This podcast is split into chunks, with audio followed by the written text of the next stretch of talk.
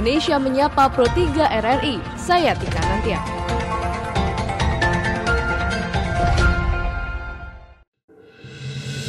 Dari Medan Merdeka Barat 45 Jakarta, inilah Radio Republik Indonesia dengan Warta Berita. Bersama saya Tika Nantia. Sari Berita, Presiden menanggapi gugatan terhadap posisi Wakil Menteri yang dianggap kurang penting. Izin pendirian Front Pembela Islam FPI sudah berakhir 20 Juni 2019. Namun pemerintah berencana akan memperpanjang izin organisasi kemasyarakatan tersebut. Inilah Warta Berita selengkapnya. Presiden Joko Widodo memberikan jawaban atas gugatan terhadap posisi wakil menteri yang dianggap tidak terlalu penting. Menurut Jokowi, keberadaan para wakil menteri itu cukup dibutuhkan, terutama di kementerian yang memiliki beban berat. Selengkapnya dilaporkan oleh Andi Romdoni. Presiden Joko Widodo memberikan tanggapan terkait gugatan terhadap posisi wakil menteri ke Mahkamah Konstitusi. Berbicara usai melepas kontingen Indonesia untuk SEA Games ke-30 Filipina, Rabu di Istana Kepresidenan Bogor, Jawa Barat, Presiden Joko Widodo mengatakan bahwa posisi wakil menteri sudah tercantum dalam undang-undang.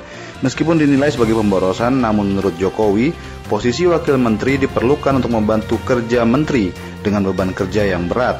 Ia mencontohkan Kementerian BUMN yang harus mengurusi 143 perusahaan dan Kementerian Desa yang bertanggung jawab atas 75 ribu desa yang ada di Indonesia. Menurutnya Wakil Menteri dapat membantu kerja Menteri untuk memastikan program kerja berjalan sesuai harapan. Ya, itu kan penilaian. Karena kita ini mengelola negara sebesar 17.000 pulau, 206 27 juta itu tidak tidak mungkin dikerjakan untuk kementerian-kementerian tertentu yang memiliki beban yang berat tentu saja membutuhkan kontrol, membutuhkan pengawasan, membutuhkan cek lapangan. Itulah yang kenapa kita berikan. Contoh saja BUMN 143 perusahaan hanya dipegang oleh menteri, ya sangat berbeda. Contoh lagi Kementerian Desa, 75 ribu desa di seluruh tanah air. Hanya menteri desa saja. Siapa yang ngontrol dananya, siapa yang ngontrol bahwa anggaran itu sampai ke tujuan. Saya kira itu tujuannya ke sana. Jadi kalau mau ada yang gugat ya saya kira nggak ada masalah. Meskipun dianggap sebagai kabinet gemuk, Presiden Joko Widodo mengatakan bahwa pemilihan porsi wakil menteri lebih ditujukan pada efektivitas kerja dan bukan pada jumlah wakil menteri. Fungsional dan harus efektif. Ini tidak masalah uh, banyaknya dong. Pekerjaan apa yang dikerjakan, jangan menilai sesuatu dari banyaknya bandingkan dengan negara-negara lain yang penduduknya lebih sedikit, organis, apa, organisasinya seperti apa, efektivitas seperti apa. Presiden Joko Widodo telah melantik 12 orang wakil menteri yang bekerja di 11 kementerian. Keberadaan ke-12 wakil menteri tersebut digugat ke Mahkamah Konstitusi lantaran dianggap tidak memiliki alasan urgensitas yang jelas.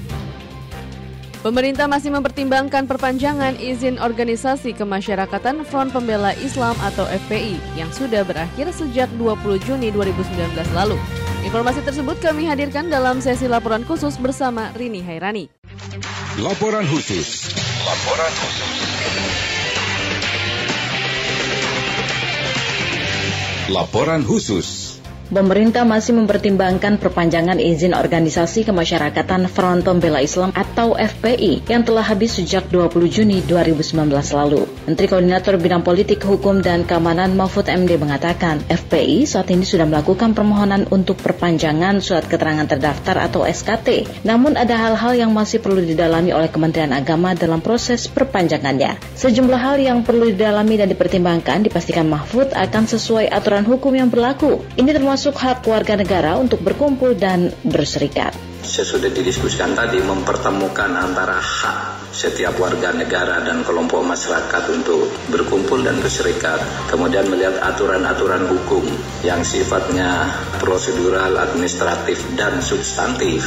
Itu lalu disimpulkan FPI sudah mengajukan permohonan untuk perpanjangan surat keterangan terdaftar dan ternyata masih ada hal-hal yang perlu didalami dan Menteri Agama nanti akan mendalaminya dan pembahasan yang lebih dalam lagi tentu tidak waktunya tidak akan lama-lama betul gitu sehingga sampai saat ini kita masih sedang mempertimbangkan dan menunggu proses lebih lanjut tentang syarat-syarat penerbitan surat keterangan terdaftar itu. Sementara itu Menteri Agama Fahrul Razi mengatakan FPI sudah membuat kemajuan dengan menyatakan setia dengan Pancasila dan NKRI. Meski demikian pihaknya masih akan mendalami lebih jauh mengenai pernyataan tersebut. FPI itu telah membuat pernyataan setia kepada Pancasila Negara Kesatuan Republik Indonesia dan tidak akan melanggar hukum lagi ke depan.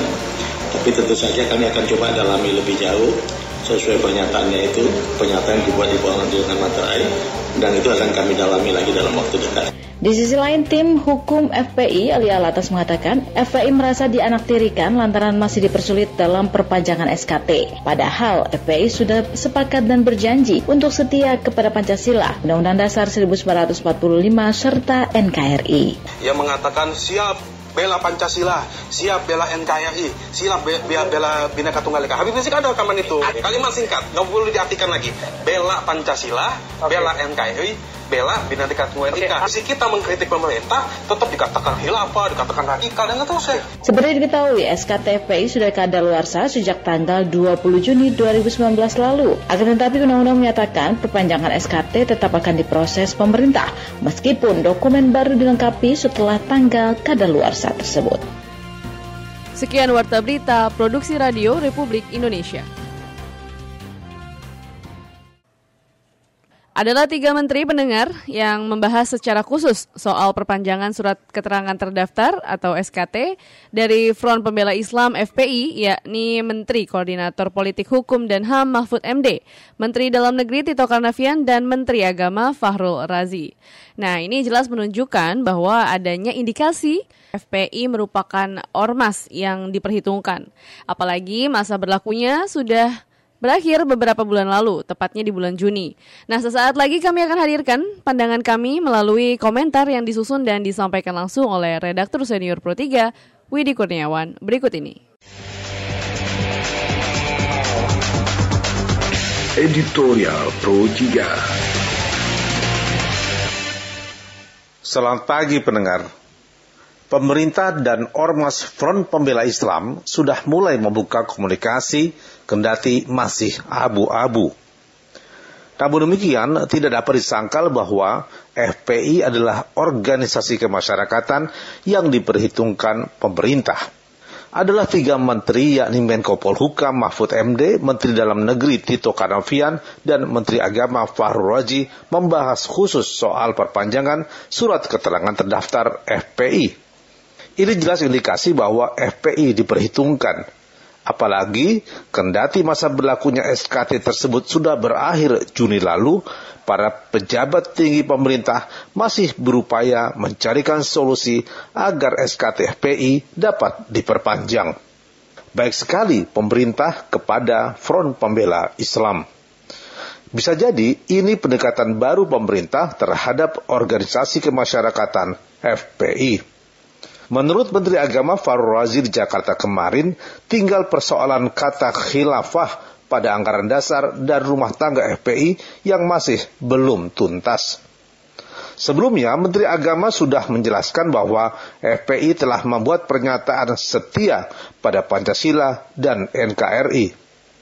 Kendati tidak disebutkan oleh siapa pernyataan setia pada Pancasila dan NKRI tersebut ditandatangani, Tetap saja kita coba menganggap bahwa sudah ada itikat baik untuk berkomunikasi.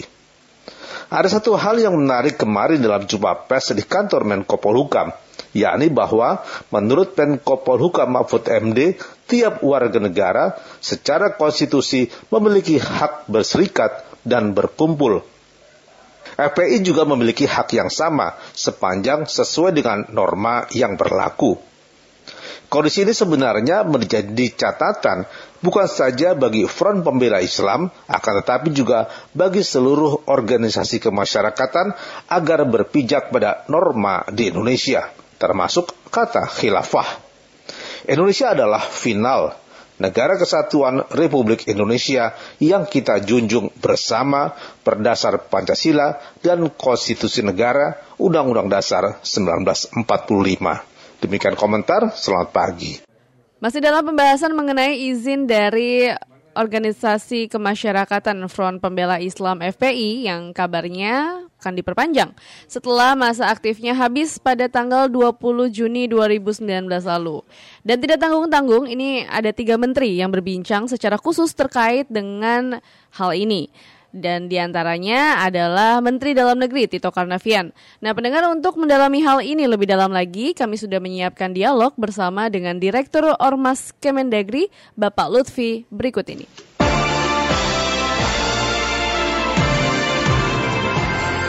Selamat pagi Pak Lutfi. Pagi Mas Edi. Ya, Pak Lutfi, ini cukup menarik ya Pak, karena ini juga cukup jadi sorotan. Sebelumnya sudah jadi pro kontra, tapi pemerintah seakan memberikan kesempatan sejauh ini. Bagaimana Pak untuk akses perpanjangan SKT Ormas FPI? Uh, eh, sampai saat ini uh, eh, FPI belum melengkapi persyaratan yang diminta sesuai dengan peraturan perundang-undangan yaitu terkait dengan anggaran dasar anggaran rumah tangganya di dalam uh, peraturan perundang-undangan itu kan harus ada mekanisme apabila sesuatu ormas terjadi konflik internal, maka mekanisme penyelesaian konflik internal itu harus diatur di dalam anggaran dasar anggaran rumah tangga. Nah, sampai saat ini FPI uh, belum uh, belum uh, me, uh, membentuk uh, uh, terkait dengan kelembagaan untuk konflik internal tersebut. Ya baik, tapi apakah memang ada komitmen dari FPI untuk menyelesaikan uh, administrasi ini dengan tertib begitu?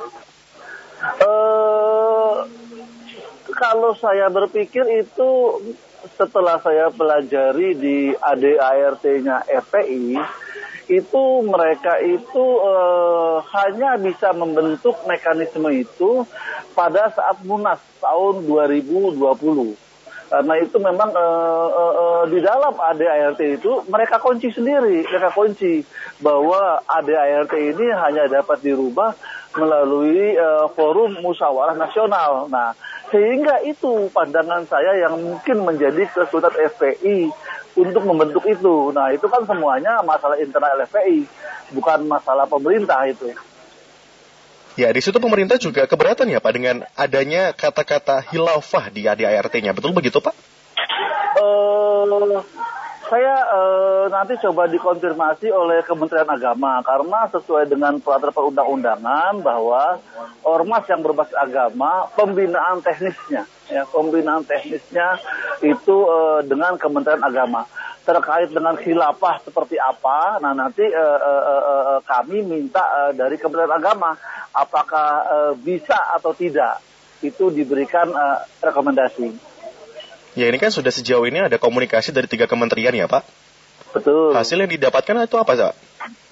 Uh, hasilnya kami masih menunggu kelengkapan daripada administrasi FPI itu sendiri hasilnya. Ya, lantas berarti kalau memang mereka masih menunggu perubahan uh, dari ADART di waktu Munas tahun depan, ini akan ada uh, masa tunggu begitu Pak atau penundaan untuk perpanjangan? Uh, penundaan bukan dari kami ya. Sebenarnya itu uh, kita kembalikan seperti yang saya sampaikan tadi dengan FPI sendiri. Bagaimana mereka me mencari solusi uh, menyelesaikan permasalahan internal. Pemerintah tidak bisa intervensi loh mas baik baik Iya. Baik, eh, lantas Pak, ini kan sekarang juga masih digodok oleh uh, Kementerian Agama, begitu Pak Lutfi ya? Iya. Jadi Pak Lutfi ada pernyataan tidak dari Menteri Agama uh, akan ada target waktu sekian begitu untuk segera menyelesaikan targetnya atau seperti apa? Uh, itu um, uh, kewenangan Kementerian Agama ya, Baik. ingin melihat karena kan perlu dikaji kembali secara mendalam itu. Oke, okay. Ya sejauh ini tapi tidak ada desakan ya Pak dari FPI untuk segera uh, mereka kan meminta di awalnya itu untuk uh, dipermudah karena mereka merasa dipersulit FPI dianaktirikan begitu. Ini adakah juga kemudian akan bicara dari Kemendagri? Parameternya dipermudah, dipersulit itu Mas Edi apa? Ya. Kita kan parameternya itu aturan Ya. Ini karena nah, karena asumsi saja Pak yang muncul dari anggota FPI-nya. ya, kalau asumsi kan sulit. Kita kan ada ukurannya. Betul. Subjektif ada begitu Pak ya. Nah, iya. Hmm. Jadi parameternya itu aturan ya. Apabila sudah melengkapi aturan, satu hari pun selesai itu mudah kan. Tapi kalau belum menyelesaikan kebutuhan administrasinya, bagaimana mau dibilang sulit? Orang permasalahan ada di FPI kok. Baik. Nah ini sementara untuk kebijakan Kemendagri sendiri seperti apa sih Pak harusnya untuk bisa menyelenggarakan atau tetap uh, memperpanjang masa-masa ormas yang kiranya tetap tertib tertib beradministrasi begitu? Kebijakannya seperti apa, Pak? Kebijakan kami sesuai dengan peraturan perundang-undangan lengkapi saja administrasi yang diminta dan lengkapi saja apa yang diminta oleh peraturan perundang-undangan. Misalkan tidak mengambil ormas itu tidak mengambil fungsi apa penegak hukum. Ormas itu tidak bertentangan dengan Pancasila. Ormas itu harus melengkapi seluruh administrasi yang diminta. Salah satunya di antaranya tadi adalah me, me, memasukkan satu klausul di dalam anggaran dasar rumah tangga. Salah satunya adalah apabila terjadi konflik internal, maka ormas tersebut akan menyelesaikan secara internal. Ya baik, sejauh ini berarti ormas-ormas yang sudah berdiri lama Pak, yang memang terus dipantau oleh Kemendagri, mereka tetap tertib beradministrasi ya Pak ya? Oh iya, tertib. Kalau tidak ya kita cabut, kan kita punya kewenangan juga itu. Iya, kan? baik. Sementara kan jika begini Pak, kita masih ingat Presiden inginnya memangkas birokrasi tidak memperpanjang begitu ya. Kalau memang merasanya FPI birokrasinya diperpanjang Pak, gimana?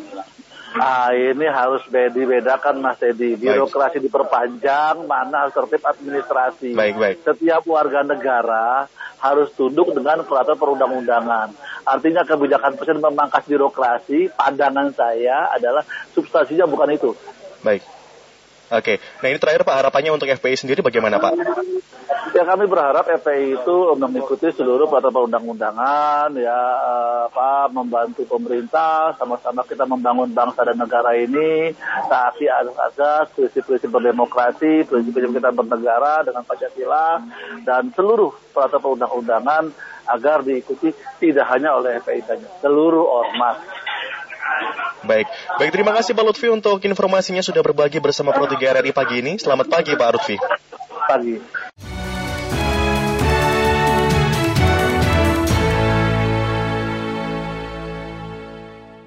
Pendengar informasi tadi sekaligus mengakhiri perjumpaan kita pada podcast edisi hari ini untuk Indonesia Menyapa Pro 3 RRI Produksi Radio Republik Indonesia. Saya Tika Nantia undur diri, sampai jumpa, salam.